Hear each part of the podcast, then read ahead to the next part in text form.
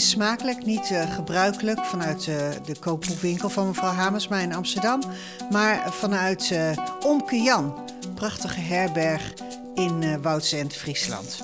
En dit is deel 2 van Lokaal en Duurzaam Eten met culinair journalist Nadia Serouali, fermentatiekoningin Simone van Tul en chefkok Ruben Schippers.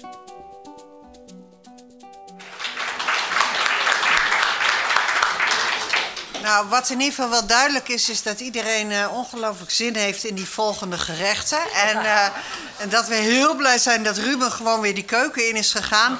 Want hij kan leuk praten, maar hij kan natuurlijk nog beter koken. Dus wij zijn heel nieuwsgierig met wat, uh, welke gerechtjes nog komen. ondertussen, we hoorden Simone al een beetje praten. Ik even doorbouwend op het verhaal wat Nadia, Nadia ons net heeft verteld. jij, jij hebt ook een stevige carrière in de horeca achter de rug. Je bent restaurantmanager geweest. Maar daarvoor, en dat blijkt eigenlijk uit het voorwoord van het boek wat jij nu hebt gemaakt. Ik kan niet vaak genoeg zeggen. 497 pagina's over één onderwerp: fermenteren en inmaken. Dat, uh, ja, dat, daar kunnen we ook wel eens een keer voor klappen, voor zo'n boek. Nou.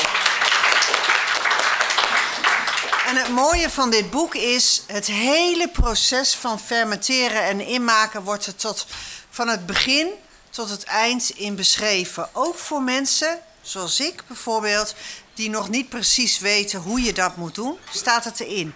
Maar het opent met een voorwoord van jou, Simone, waarin jij vertelt dat jouw oma ja. eigenlijk gewoon de fermentatiekoningin was en de inmaakkoningin. Van Os. Os. Ik kom uit Os, uit Brabant. Ja, ja daar hoor je niks meer van. Nee. Nee, dat is helemaal weggepoetst. Nee. Dat is wel heel jammer.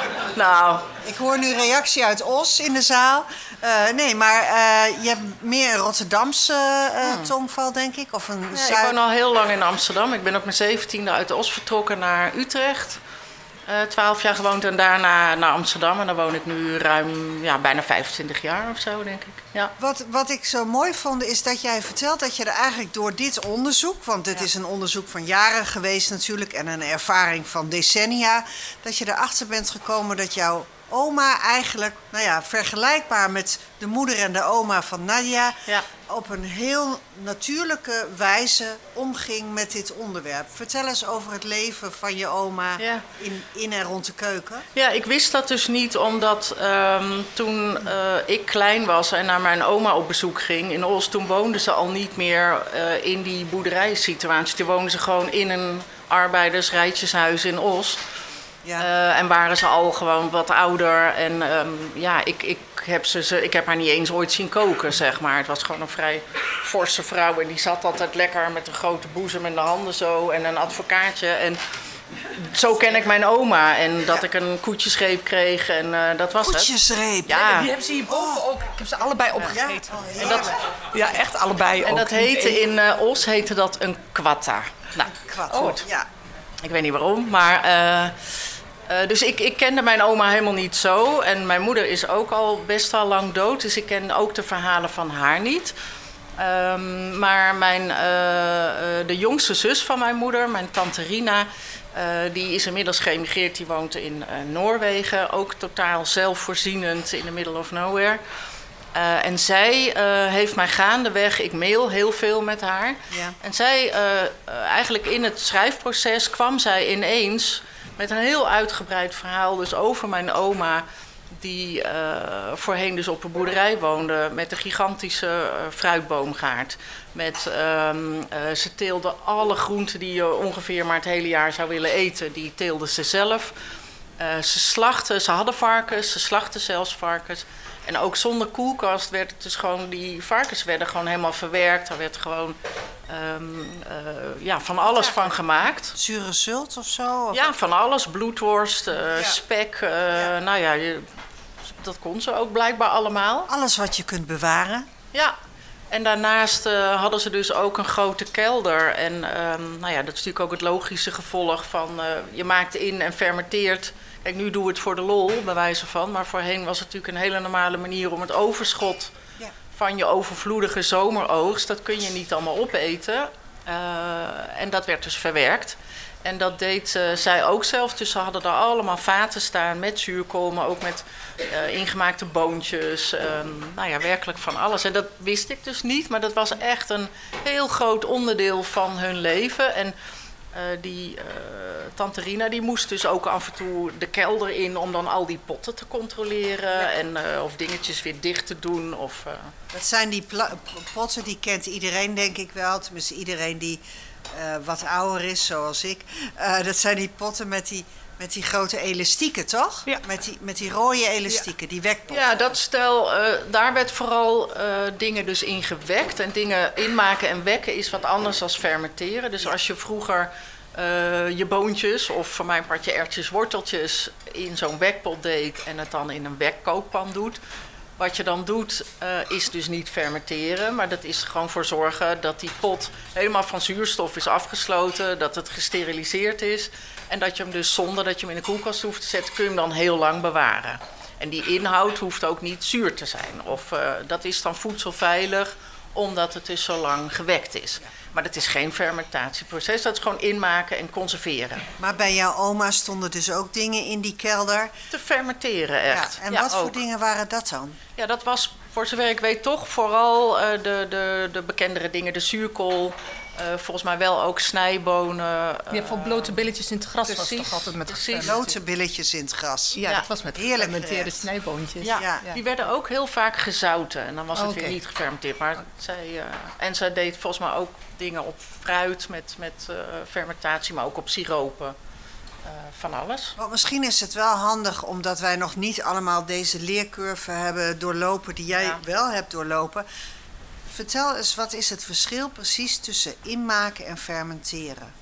Ja, dus kijk, inmaken, het wordt heel vaak door elkaar gebruikt ook als begrip.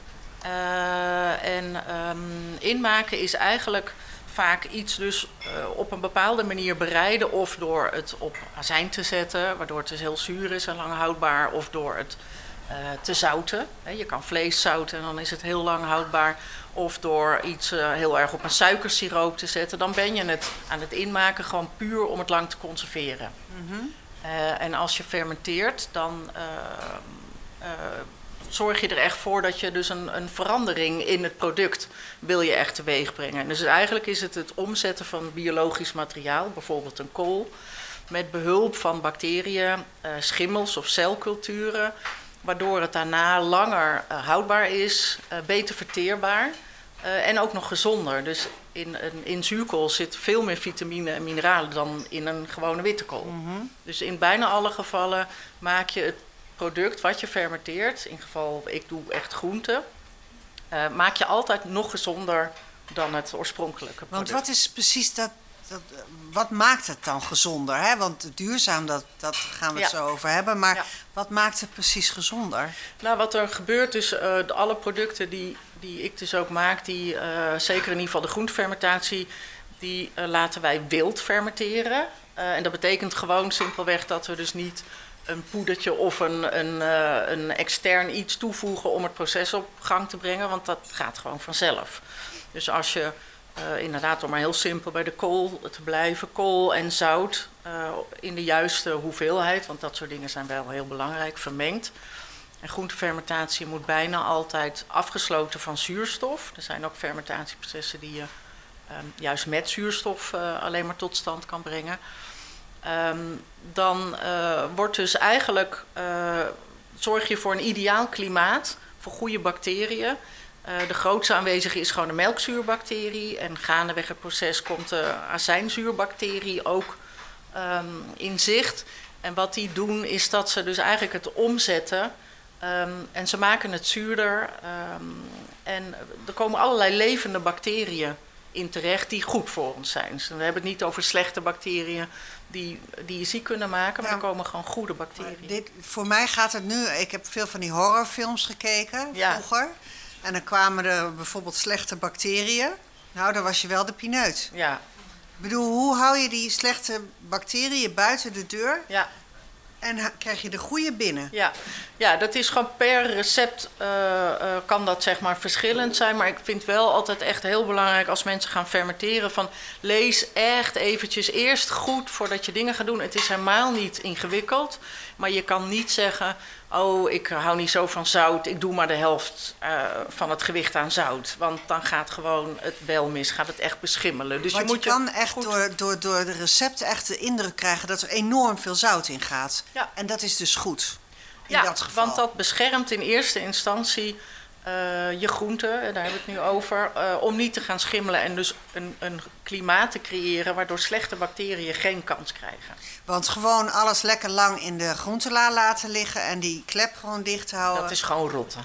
Dat heet gewoon rotten. Ja. Dat is, heeft Nee, dus ik ben eigenlijk altijd ook heel erg tegen die eh, term rotten geweest. Omdat je, ik snap, het is natuurlijk gewoon een heel leuk woordgrapje. Er is ook een, een, een boek wat heet Over rot.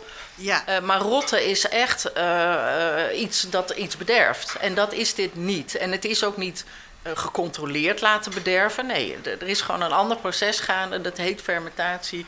Het wordt er, als het goed gaat, alleen maar gezonder door. Inderdaad, nogmaals, beter verteerbaar. Hè. Dus En ik- ook gewoon echt soms bijna medicijn, toch? Want ik Ja. weet altijd als ik een antibiotica-kuur krijg voor Ja. mijn longen, wat soms gewoon helaas moet, ook al Ja. wil je het niet, dan moet je er daarnaast lekker kimchi en zuurkool bij blijven eten, zodat je Is die dat goede, zo? ja, echt zodat je die goede probiotica, goede bacteriën Nou ja, het vervelende je darm aan, aan dat soort kuren is, is dat het dus niet alleen die bacteriën doodt waar jij last van hebt eh, op dat moment. Het doodt werkelijk alle bacteriën. Ehm, en, en je hebt dus heel veel eh, levende goede bacteriën nodig in je darmen om gezond te kunnen zijn. Dus ze en weten. eigenlijk stiekem krijg je er ook altijd zin in. Dat vind ik Ja. dus ook zo grappig. krijg je zin in de Ik kreeg echt kimchi? zin in, ja, ik kreeg echt zin in een broodje zuurkool. Even, Zijn er hier veel mensen in de zaal die wel eens kimchi eten trouwens? Of maken? Oh ja, er zijn toch veel kimchi. En zuurkool gewoon dan toch? Dat je die Het is eigenlijk eten. gewoon een, een, een gefermenteerde... Want leg eens even lekker. uit wat kimchi is. Hè? Want niet Ja. iedereen heet elke Nee. dag kimchi Nee, natuurlijk. kimchi is een eh, van oorsprong eh Koreaans eh, gefermenteerde, eh, in bijna alle gevallen Chinese kool. Maar je hebt meerdere soorten kimchi. Ja. Ze wordt ook wel eens gekscherend de, zuurkool van Korea genoemd.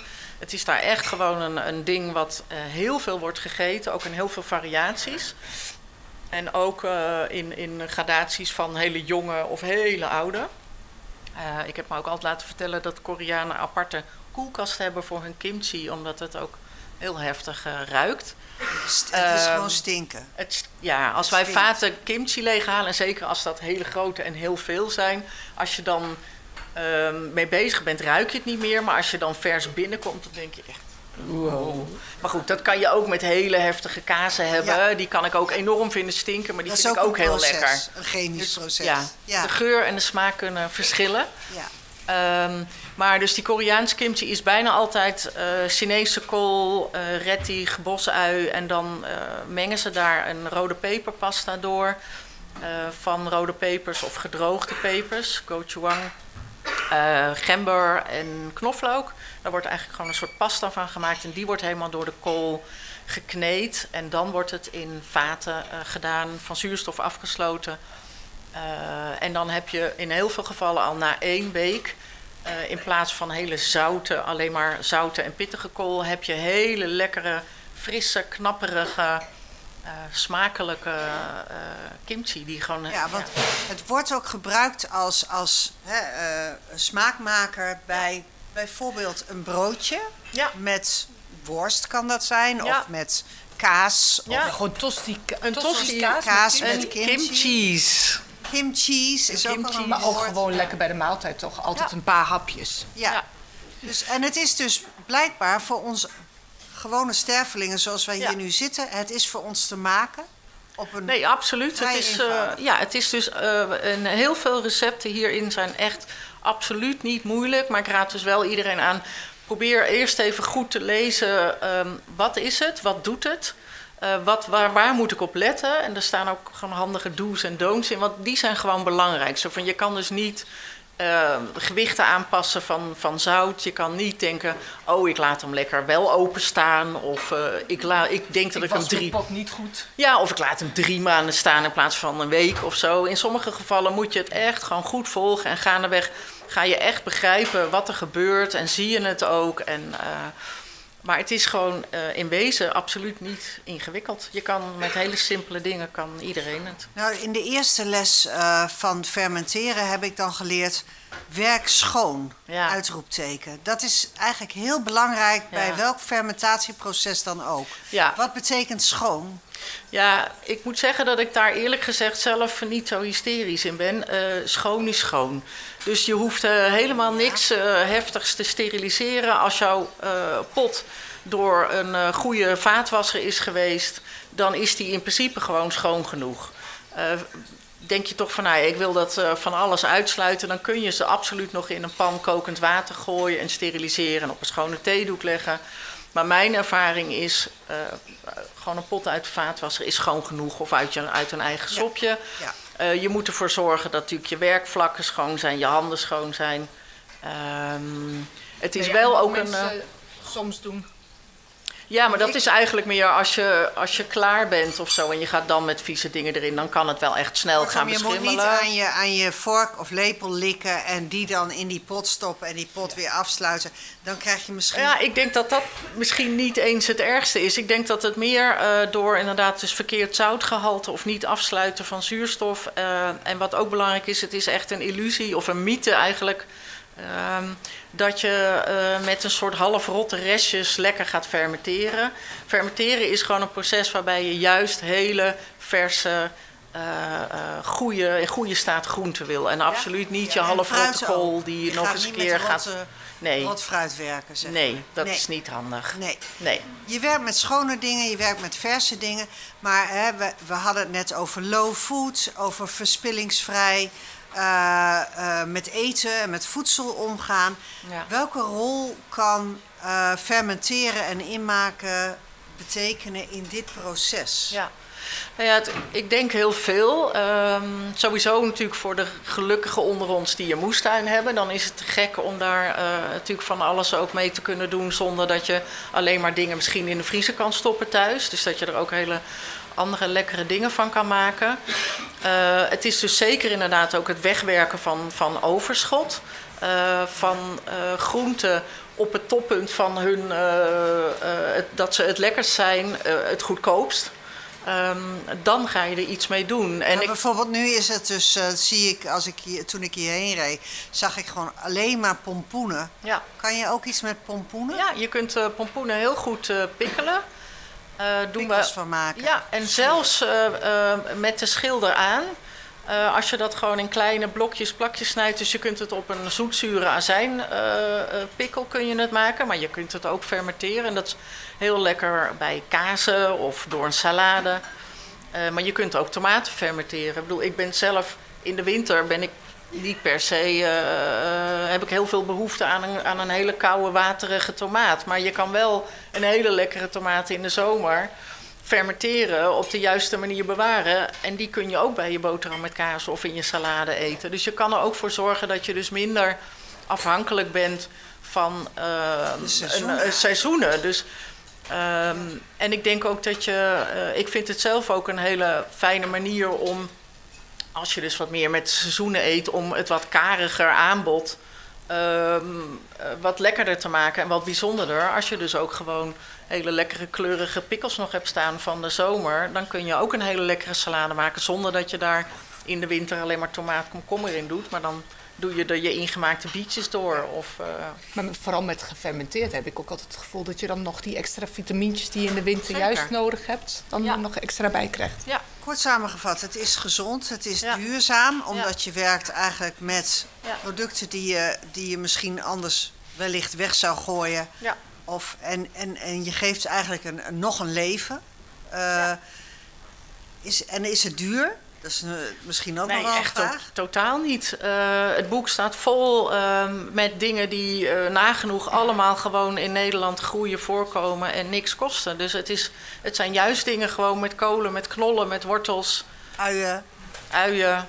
Ja, uh, en je kunt er een investering misschien om een Helemaal zuurkool. Nee, maar om Ook, een als je echt een mooi zuurkool. een kringloopwinkel of zo. Als je een mooi zuurkoolvat wil ja. kopen, dan, dan uh, kost dat ook een nieuwe, kost ja. 30, 40 euro. Maar het hele boek staat juist vol ehm, eh, op een manier beschreven dat je dus gewoon met elke normale glazen pot met een goede deksel, als gewoon die deksel ook maar goed is, uh, daarmee kun je gewoon beginnen. Dus je hebt helemaal geen. Uh... Ja, zijn er eigenlijk mensen hier in de zaal die aan inmaken en fermenteren doet? Ja, Sietske op rij 1. Oh, toch wel drie, drie, vier, vijf. Ja, jongens, het is en zijn dat mensen met een moestuin of gewoon ook is zonder met moestuin? een tuin? Half met een tuin? Ja, ja, de tuin speelt een belangrijke rol. Ja, want dat, want dat is. Uh, ja, misschien even. Ja, Jan, wil je even naar die mevrouw met die tuin? Uh, die is achter. achter nee.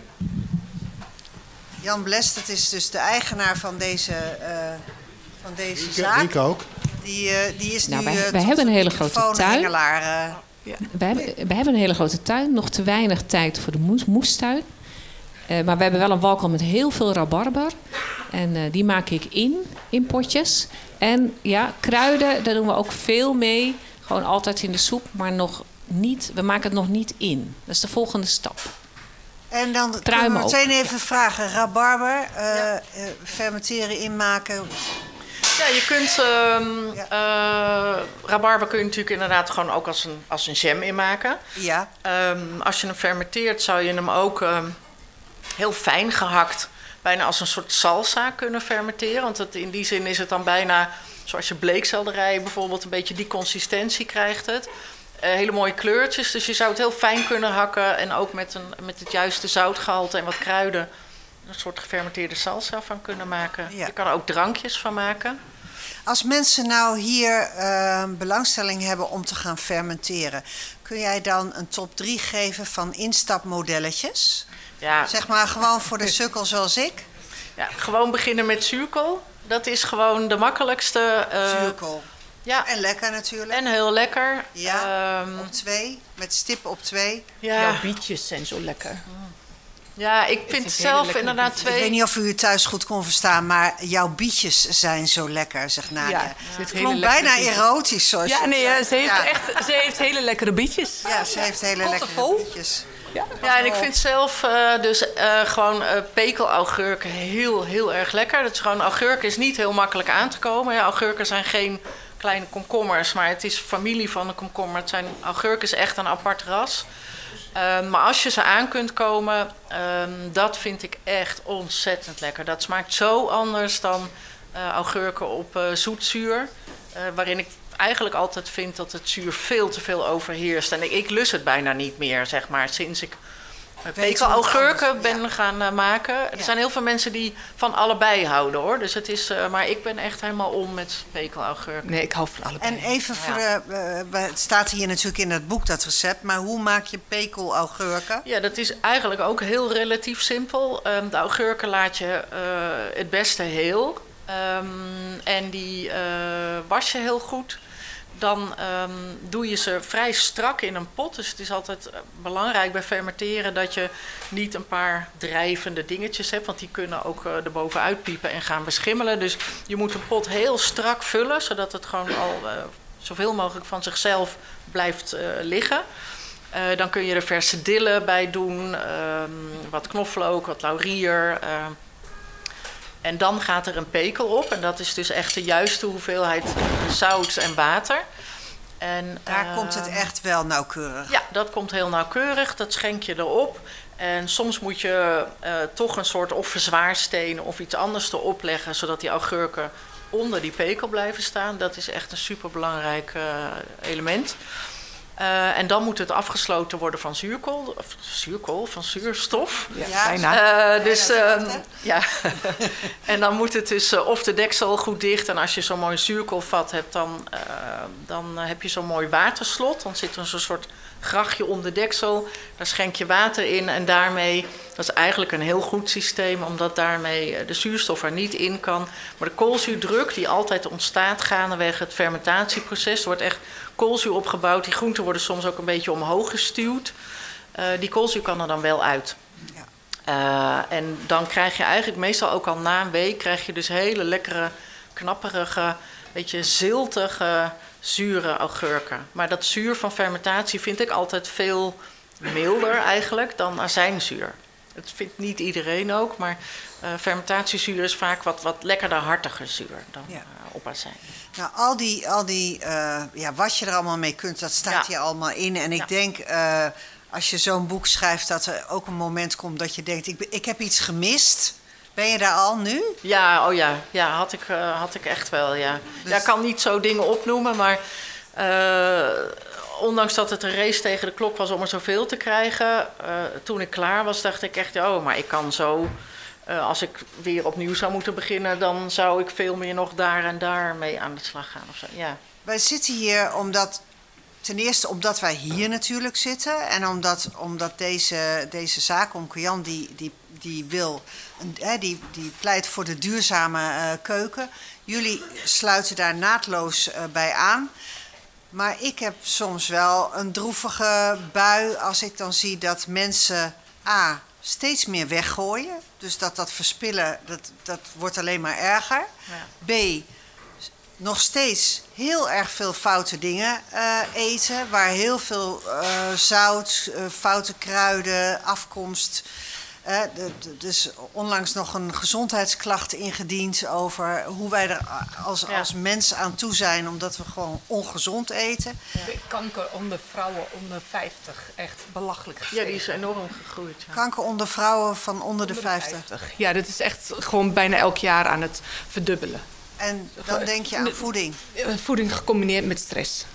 Voeding gecombineerd met stress? Ja, onze levens... Uh, hoe we in het leven staan en hoe we ons leven leiden gecombineerd met ons eetpatroon. Druk, dus hè, we zijn permanent druk uh, en we, we, moeten, we willen liefst zo snel mogelijk iets in die pan gooien om van dat hele kookproces uh, af te komen. Het moet snel, het moet makkelijk, het moet, uh, het moet hapklaar zijn, zijn, met alle gevolgen van dien.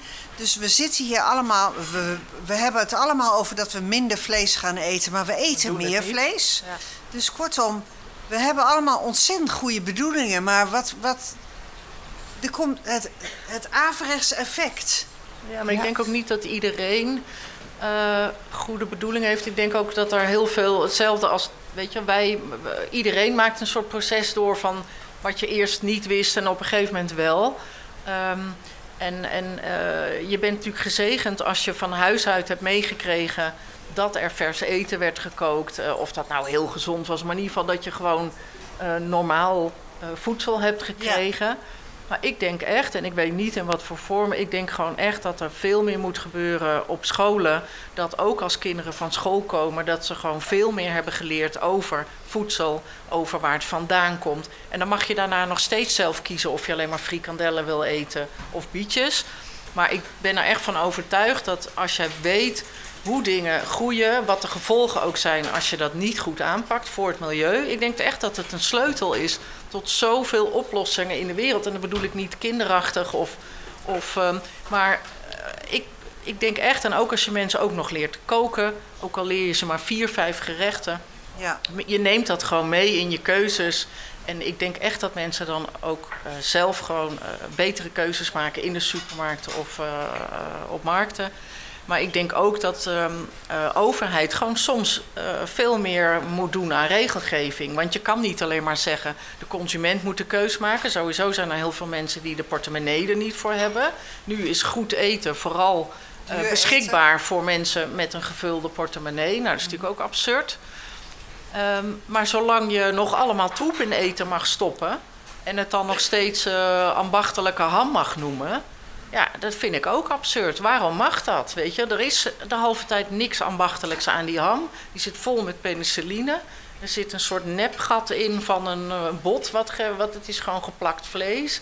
Uh, daarin zou ook veel meer moeten gebeuren. Je kan het niet alleen maar bij, bij mensen hun eigen Bij de consument leggen, maar ook bij de overheid in deze. Nou, wij gaan zo meteen op naar het wederom proeven van twee gerechten. Maar als intermezzo, uh, en ook omdat de kaaskeurmeester er niet is vandaag, want Marike die is uh, naar huis geroepen, zullen we maar zeggen. Het gaat overigens nu wel heel goed met de patiënt waar ze uh, voor naar huis is geroepen, gelukkig. lees ik een verhaaltje voor, omdat ik ook graag aan wil geven dat ik zelf een vatvol niet zuurkool ben, maar tegenstrijdigheden. Ik wil altijd een heel gezond en duurzaam uh, en verspillingsvrij en uh, biologisch leven. En ik wil ook graag een moestuin. Ik ben naar Friesland gekomen om rustiger te gaan leven, zonder stress. Ik dacht dat het een soort meditatieoefening was. Uh, ik heb daar een heel lang pad in afgelegd en ik kan zeggen dat dat altijd maar deels is gelukt. Dus als het niet lukt, is er ook hoop. Want ja, we zijn ook maar gewoon mensen. En om aan te geven hoe hysterisch dat in je hoofd kan zijn. Als je dus denkt, ik ga naar Friesland verhuizen. Want daar is een ander leven wat mij een moestuin, vrede en gezond leven gaat leven.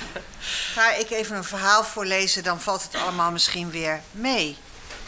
En dit verhaal heet Joert. Ik weet niet of u weet wat een joert is, maar dat is een nomadische tent met een rode, ronde vorm. Joert. Ik heb me de spot van mijn vrienden op de hals gehaald. Ik heb het Joertwoord gezegd en sindsdien is het lachen niet meer van de lucht. Het kwam zo. In mijn radioprogramma voerde ik een gesprek met een architect en gaandeweg begon zijn verhaal mij te intrigeren. Hij had midden in de Rotterdamse museumdriehoek een paviljoen gebouwd. Het had de vorm van een koepel. In de stad kreeg het al snel de bijnaam Teletubbyhuis. En het dak was begroeid met gras.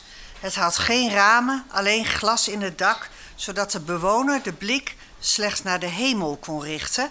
En binnen was de ronde ruimte ingericht met uitheemse planten en een hangmat. De architect vertelde over leven in deze ronde ruimte en die had alles wat een mens nodig heeft, inclusief wifi. Zo'n ronde woonvorm was al eeuwen beproefd. Nomadische volken die deden niet anders. De iglo van de Eskimo, de wigwam van de Indianen, de koepeltent van de moderne mens. En toen viel dus het Joert-woord, de Joert van de Mongolen. Thuis begon ik meteen met googelen en er ging een wereld voor me open. Ook in Nederland worden joerts verkocht die door Mongolen van originele materialen worden gemaakt. Er zijn zo'n 100 heuse joertbewoners in ons land en al snel belandde ik op een community van joertbewoners die allerlei joertwetenswaardigheden uitwisselden. En toen vond ik een boerderij op het Friese platteland waarin een boomgaard nog plek was voor één joert. Ik stuurde meteen een e-mail om een afspraak met de eigenaren te maken. S'nachts kon ik van opwinding niet slapen. Ik zou teruggaan naar de kern van mijn bestaan. Onder de bomen, in de vrije natuur, met alleen het geluid van vogels en koeien. Ik zou stoken op hout, koken op hout, want iedere joert heeft een houtkachel die tevens fornuis is. Het vlees zou uren sudderen op het vuur. Ik zou mijn allereigenste slowcooker hebben. Geen modieuze aga-koeker of een andere door de industrie gepropageerde apparaat. Nee, gewoon houtvuur. Retro. Ik zou mijn aardappels uit de grond halen, mijn spersiebonen van de plant plukken. Ik zou wild schieten, kippen slachten, schapen scheren om mijn eigen truien van te knopen. Misschien ging ik zelfs wel wijn maken. Zou dat lukken in het noorden van het land? Na die onrustige nacht speurde ik verder op het wereldwijde web. Mijn joerthonger was alleen nog maar groter geworden. Ik las over filte wanden en houten skeletten, dakstokken, het leven in vrijheid, onthaasting als levensdoel, trekken over de steppen met paarden, schapen, geiten, kamelen. En toen kreeg ik plots de genadeklap uitgedeeld. De kleine lettertjes in de bijsluiter. In een joert moet dagelijks of zelfs elke paar dagen gestookt worden. Want het wordt snel, vochtig en muf en schimmelig en alles wat niet goed is voor de mens. Elke dag stoken. Maar kon ik dan nog wel naar theater, café, restaurant? En had ik vervolgens nog een appartement in de stad waar ik kon blijven slapen? En hoe zou het dan met mijn frequente weekendjes weg moeten? Nooit meer op vakantie? Ik kan veel van je plannen begrijpen, maar hier ben ik het spoor even bijster, zei vriendin F, wijnboerin in de opleiding, hoofdschuddend toen ik haar over mijn joertavontuur vertelde.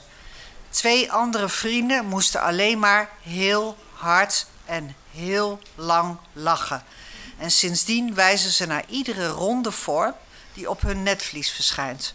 Of het nu een hooiberg in het landschap betreft of een ijskoep in een restaurant. Ik klem mijn kaken stevig op elkaar tot de spot is overgedreven.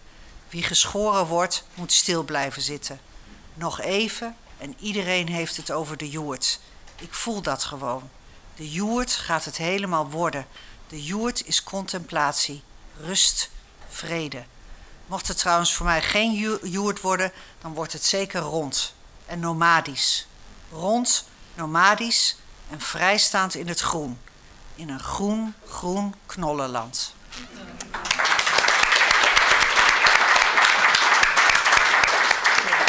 Nu mogen jullie straks zelf vertellen over jullie moeizame pogingen om, eh, om het leven duurzaam vorm te geven. Of juist niet, dat u daar echt een afkeer van heeft. Dat mag natuurlijk ook.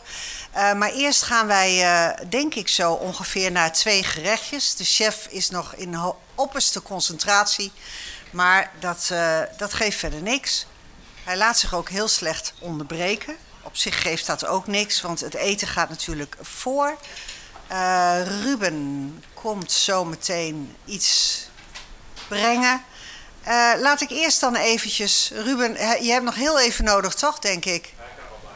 Kan je er wel bij komen zitten? Het is heel moeilijk loslaten. Het is zoiets als met een joert. Eh, moment van rust en contemplatie. Er komen zo meteen weer twee eh, gerechtjes voorbij. Ik denk dat u daar wel aan toe bent. Eh, er moeten nog even wat... Ja hoor, de eerste gerechten gaan nu uit. Oh, die komen natuurlijk onze kant op. Dat is nog mooier. Lekker, dankjewel. Heerlijk. Het ziet er een beetje uit als een... eh, een ja, wat, waar ziet het... Ja, het ziet er een beetje... Dopetjes en bloemkool. Doppertjes en bloemkool. En dan heel lekker. vertel eens even, Ruben. Welk gerechtje hebben wij nu voor ons? Ik heb eh, een eh paté gemaakt van walpjentjes. Waldboontjes. Het is Ja. niet te vergelijken met een paté met vlees, maar het is wel in de terrinevorm gemaakt waar je ook de paté in maakt. Ehm, ik dacht, ik maak een keer een soort vegetarische paté. En daar zit al de Frieske kaas in verwerkt.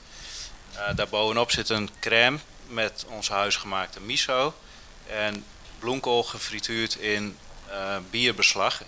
Bierbeslag. En het bier dat ik gebruikt heb is ons eigen Onkian blond bier. Ah, want jullie hebben hier ook je eigen bier. Ja, En ehm, hoe ben je op dit idee gekomen? nou, het was eigenlijk gewoon een eh, hersenspinsel. En toen heb ik het getest en ik vond het lekker. Dit is een heel goed Fries antwoord, vind ik. Ja, Ja, nou, we gaan nu proeven. Dat is heerlijk. Ehm, en de boontjes die eh, ik gebruikt heb, die komen eh, uit de Walden. Bij eh, Henk van Waldfarming uit uh, Jestrum. en de woorden, dat zijn de wouden. De Wouden, ja. Ja. En eh, zijn die wouden van invloed op die boontjes? Of eh, hoe moet ik dat zien? Ja. Dat durf ik niet te zeggen, maar eh, je Hij is wel de beste bonenboer van Nederland, toch? Ja, ja. Beste ja. bonenboer van Nederland. Maar ja, echt Heel lekker. van Koning van de bonen. Ja, iedereen die van peulvruchten houdt, die komt bij hem terecht uit. Ja, Nadia, ben jij ook wel eens met de tv-camera bij hem geweest? Nee, Of- dat niet. Maar wel ehm, voor eh Flevo Campus hebben we best wel veel met Oh hem ja, gedaan. Flevo Campus, dat is een Ja. campus en waar het eigenlijk alleen maar gaat hè, in de Flevopolder over eh, het ontwikkelen van eh, goed en duurzaam eten. Dat is altijd de moeite waard, ook alle activiteiten die ze daar eh, organiseren. Eh, het valt me meteen op dat het weer een hoge mate van hartigheid heeft, maar het heeft ook dat geluk wat je krijgt als je iets gefrituurds eet. Ja, het is gewoon krokant en lekker zacht. En, eh, Ja, ik zou Het hoeft niet, niet allemaal niet- ik zou niet per se willen omschrijven als heel gezond, maar eh, Nou ja, het, het mag ook wel eens een snackje zijn. Het is heel lekker. Verrukkelijk. Ja, het heeft een hoge snackgehalte. Eh, eh, beschrijf eens, eh, Simone, wat jij hier zo lekker aan vindt. Wat Nou ja, het zo ik, lekker vind- maakt. ik vind inderdaad ook hier. ehm, eh, het grappige is trouwens, want je, je noemt het een paté, maar ik moet eigenlijk ook een beetje denken aan een soort hele lekkere, krokante, verse tempeh-achtig. Want je proeft dus die boontjes. Eh, het lijkt ook wel alsof er inderdaad soort van iets mee gebeurt zoals je met tempeh hebt. Er wordt ook tegenwoordig tempeh gemaakt van eh, gewoon, kan ook van kapucijnes of van splitterten. Of, eh, ehm, en omdat het dus, dus het heeft een soort lekkere bite. En, en doordat het heel krokant is en zacht van binnen en een beetje zout, het is gewoon heel comforting. Ja. En, dus ik, ik hou heel erg van dit soort gerechtjes, omdat het...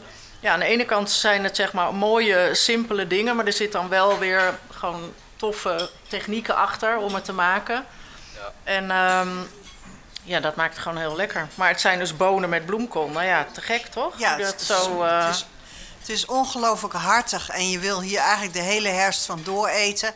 En de winter ook nog. En daarna gewoon weer wakker worden. Zoals of weer uit je tent komen, zeg maar. Ja, daar past dat goed bij, ja. Ja, en eh, Nadia die heeft het ook dus op. Maar in Ik ben de Winterswijk... oudste van een kind van zes, hè. Dan eet je, eet je gewoon heel snel, want anders Ja. eten de anderen je eten op. Ja, en Maar in kok Winterswijk, eh, Eet in Winterswijk eten ze ook heel snel. Er wordt behoorlijk snel gegeten in? Winterswijk. Ja? Wat, wat, wat trok jou zo aan in dit gerecht dat je het zo naar binnen hebt gewerkt? Nee, ik vind het echt verrukkelijk, gewoon qua smaak en structuren.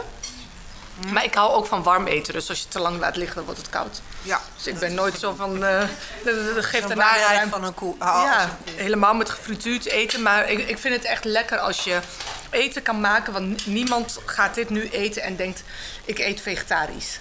nee, Je eet nu gewoon iets heel erg lekkers. Ja, en toevallig zit er geen vlees in. precies. En eigenlijk op die paling na, eh, ik weet niet of u in de zaal dat al door heeft, maar bent u sowieso de hele tijd verder vegetarisch aan het eten? Hè? Is dat bewust beleid geweest vandaag, Ruben? Nou, niet per se eigenlijk. Dit zijn gewoon gerechten geweest die ik in gedachten had. En eh, toen ik het op papier had staan, zag ik eigenlijk pas dat ik weinig vlees had gebruikt. Ehm, maar ik vind vlees niet altijd per se nodig. Nee. Maar ik hou wel heel erg van vlees hoor. Ja. Ik kan ook prima zonder. ja. En je hebt genoeg andere dingen verzonnen dat je dat vlees gewoon helemaal niet meer mist in je menu, als het ware. In dit menu niet inderdaad. En met een grote groep is het ook eh, wel prettig. eh, want er zitten ook een aantal vegetariërs in de zaal. Precies, ja. Wat ik overigens heel Ja, dat is leuk vond, eh, toen ik gisteren hier aankwam, toen ging ik gelijk met Ruben kletsen en we hadden het over de azijnmoeder.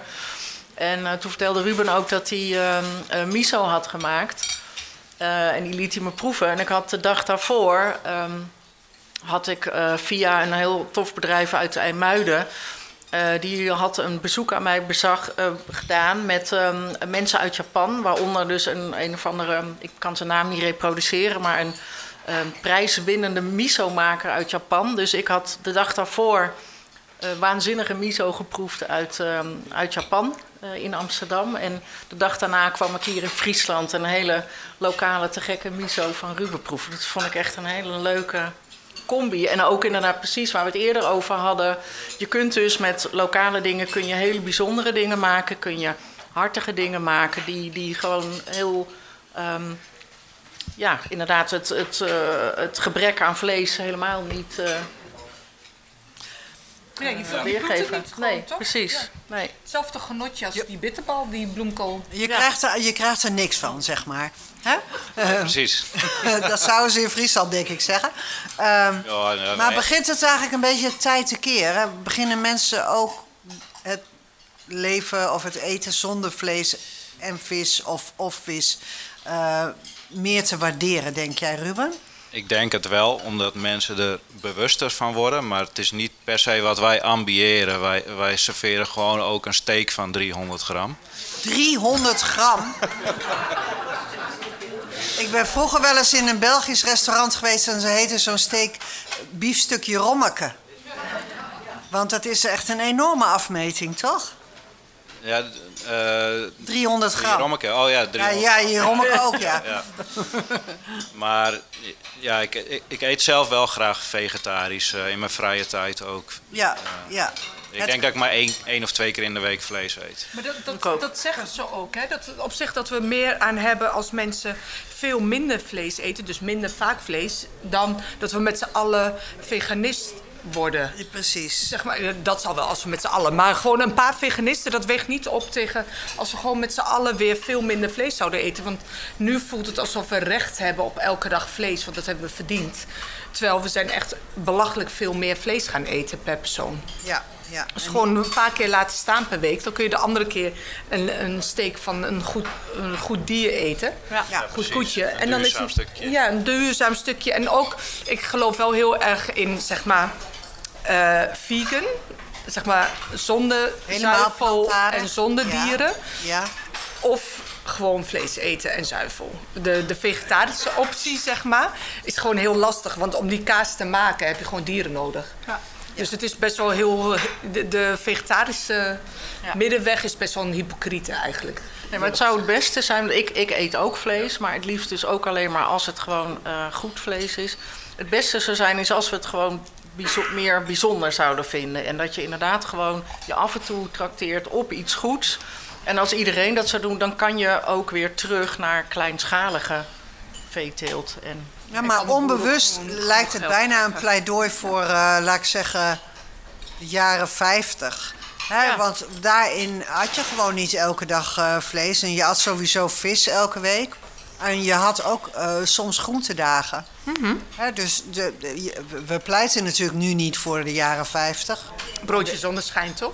Broodje zonneschijn. Ja. Ja, wij, wij eten gewoon veel te weinig groenten met z'n allen. En Ik denk dat dat gewoon eh, Ja, sowieso wel goed is om te beseffen. te weinig groenten. Een paar keer in de week een maaltijd met alleen maar groente eten, dat is gewoon goed voor je lichaam. Ja, nou, dank je Ruben. We, hebben dan, eh, we hadden het net over kaas. Eh, we hebben een, een bordje kaas erbij gekregen. Dat is de laatste gang voor het, eh, voor het dessert straks. Wat ligt er op dit, eh, op dit bordje? We hebben een roodflora kaas, die komt uit Utrecht. Ja, Die is eh, vier tot zes weken gerijpt. Dus een eh, gepasteuriseerde eh koemelkkaas. En eh, de andere kaas, dat, die heet de Lakenvelder. Die komt uit Gelderland en die wordt gemaakt met melk uit Friesland. Maar daarom vind ik hem zo lekker. Ja, dat zou kunnen. Hij is echt verrukkelijk. dus die, die melk van die Lakenvelder koeien uit Friesland, die gaat daar naartoe? Moet ik het zo zien? Of wat? Ja, en daar wordt de kaas vervolgens gemaakt inderdaad. Juist. Ja. ja. Wat. En wat is daar zo bijzonder aan? Nou ja, Behalve dan Friesland. ik, ja, dat wou ik zeggen. Dat, dat, is, dat is voor ons natuurlijk leuk om te vertellen. Ja. Het is Eh, gewoon verrukkelijke Maar het kaas. is gewoon een hele lekkere kaas. Ja. Meer, meer hoef ik er niet over te zeggen, denk ik. Nee. Ja, ze zijn nu in een soort retraite moment. Het lijkt ook wel een beetje alsof het keukenteam aan het bidden is, maar dat, dat denk ik dan ook weer niet. Ja, voor een fotograaf. Oh, ze staan daar helemaal in een soort. Of kluitjesvoetbal. Wat zijn jullie aan het doen? Ruben! Hi! Kom, jij kom. Ja. Ruben gaat het dessert afmaken. Dat krijgt u zo meteen nog.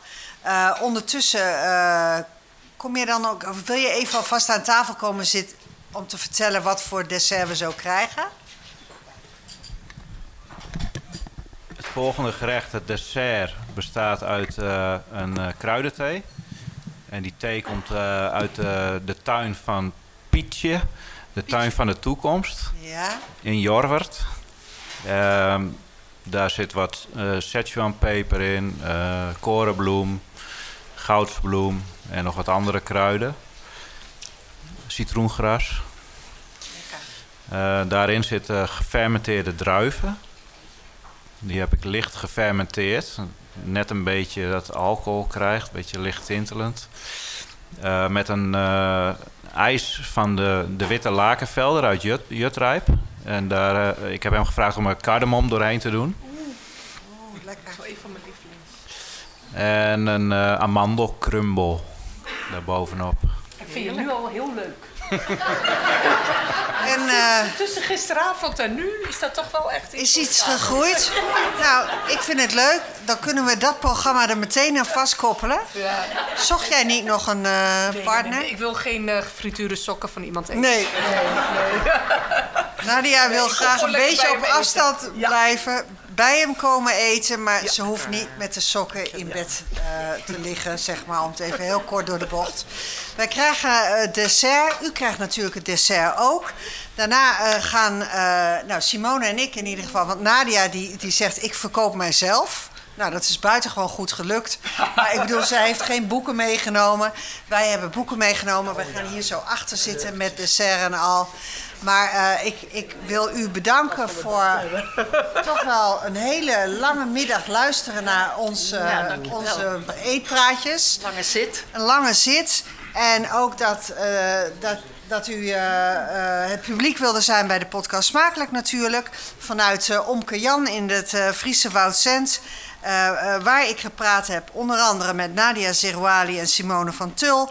Maar waar we ook proefden van de gerechten van chef Ruben en zijn team. Die we even van harte gaan danken. Verder natuurlijk dank aan de gastvrouw en de, en de gastheer, Nienke de Boer en Jan Bles. Personeel van Omke Jan. De onvolprezen technicus Willem Rinkema. Onthoud die naam. Eh, blijf mailen naar smakelijkpodcast.gmail.com. En blijf ook komen hier naar Omke. Gezellige warme herberg, Bourgondisch met een OE. Hè? En eh, geniet nog even van het eh, dessert. Dank u voor uw aandacht.